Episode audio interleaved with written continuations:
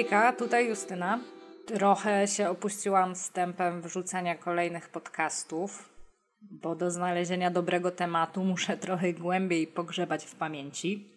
Dzisiaj będę mówiła o obliczach życia solo z dedykacją dla wszystkich samotnych serc.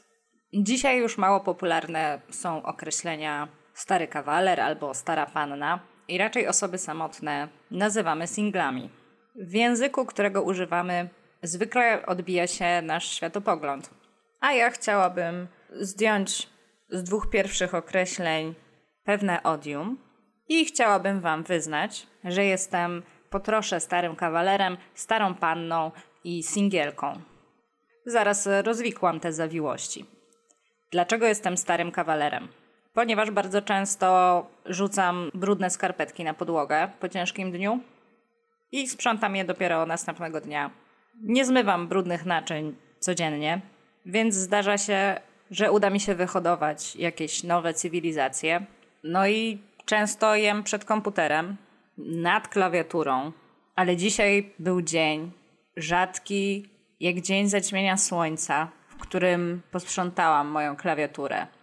Z jednej strony jestem zadowolona, bo to, co było pod klawiszami, mogło stanowić kolejne zagrożenie epidemiologiczne, a z drugiej strony teraz spacja nie chodzi już tak lekko jak wcześniej, kiedy była naoliwiona tym całym syfem. Jak tu w ogóle opanować jakąś spójność światopoglądową, skoro najpierw spędza się mnóstwo wieczorów z przyjaciółkami, narzekając na facetów, że robią właśnie takie okropne rzeczy, a potem po odpowiednio długim czasie samotnego mieszkania robi się dokładnie to samo.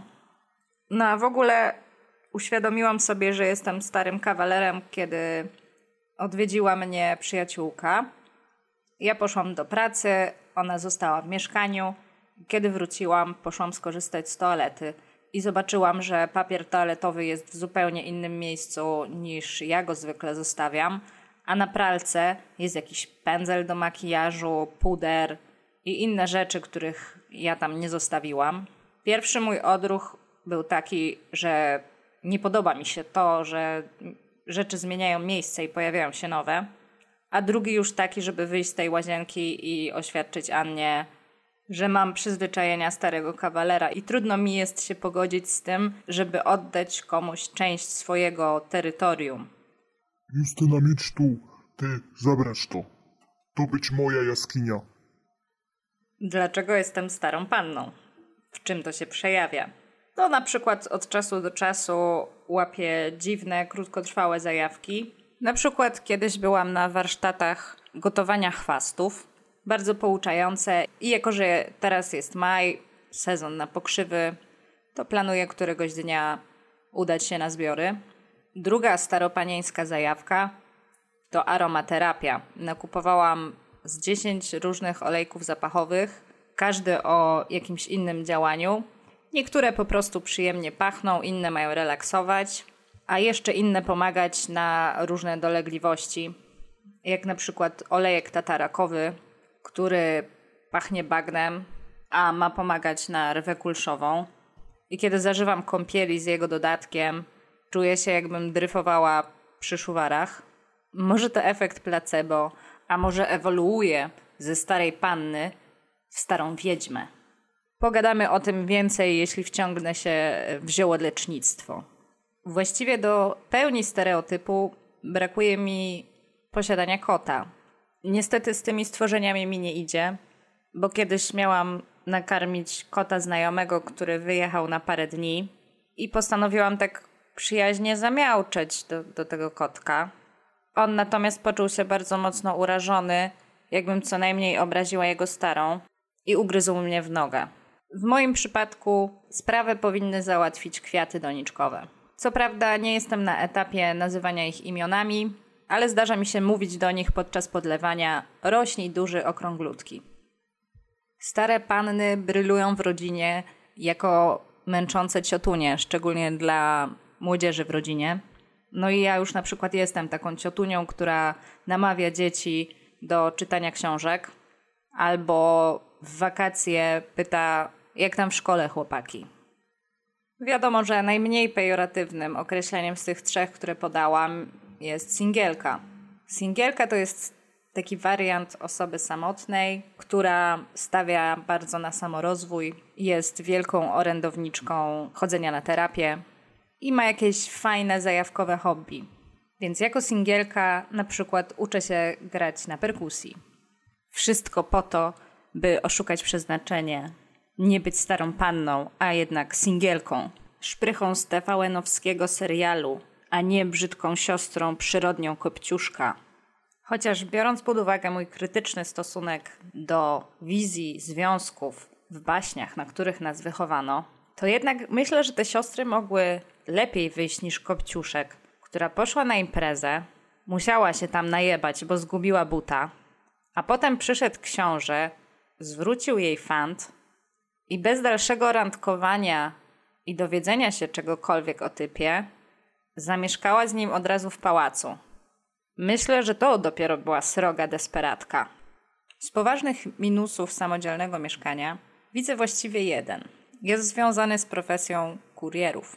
Zwykle taki kurier wysyła wiadomość, że będzie u nas między 11.15 a 11.40. Tymczasem nie pojawia się przez następne 3 godziny, trzymając nas w limbo niezdecydowania, czy mogę już iść do sklepu po szlugi, czy mogę już wejść pod prysznic. I zgodnie z prawem Marfiego, kurier dzwoni do drzwi właśnie wtedy, kiedy namydliło się ciało.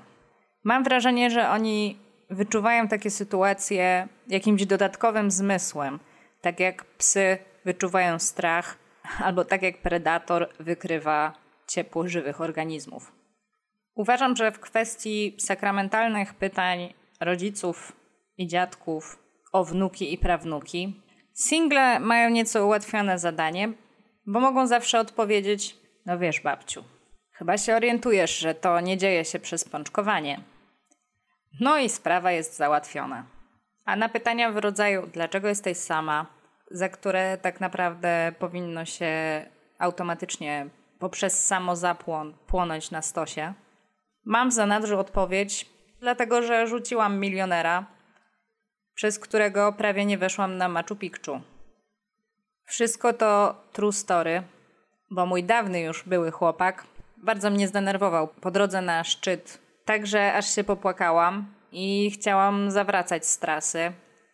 A weszłam na szczyt tylko dlatego, że okazało się, że droga jest jednokierunkowa.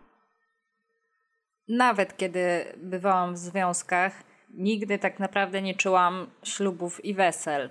Lubię na niektóre sprawy patrzeć, jakbym dopiero przyleciała na Ziemię z innej planety. I gdyby w ten sposób spojrzeć na wesele, jakie są tradycyjnie organizowane w Polsce, to historia wygląda mniej więcej tak, że należy zaprosić całą swoją rodzinę i upoić ich wódką, po to, by ta społeczność zaakceptowała fakt, że y, chcemy z kimś uprawiać seks.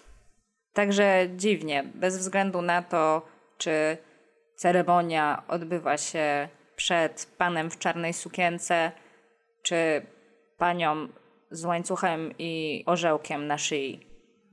Co do tego, że byłabym dobrą żoną, nie mam wątpliwości, ponieważ miałam okazję to przetestować na pierwszym roku studiów, kiedy spotykaliśmy się na rozgrywki pokerowej ligi i w tej właśnie lidze byłam żoną Bartosza i za każdym razem, kiedy on przysypiał pijaniutki, wchodziłam do gry za niego i zwykle pomnażałam jego majątek. Hej, samotne serca, pamiętajcie, że nigdy tak naprawdę nie jesteście sami. Pomijając to, powiem jak prawdziwy paranoik i technosceptyk, że zawsze towarzyszy Wam sztuczna inteligencja w Waszym telefonie i komputerze. Ale oprócz tego zawsze są przyjaciele. I jestem jeszcze ja, Wasza kumpela na guzik play. Nie bądźcie jak kopciuszek i afirmujcie swoje starokawalerstwo, staropanieństwo albo bycie singlem. W końcu po jednej osobie zawsze jest mniej naczyń do zmywania. Ściskam Was. Trzymajcie się, pa pa!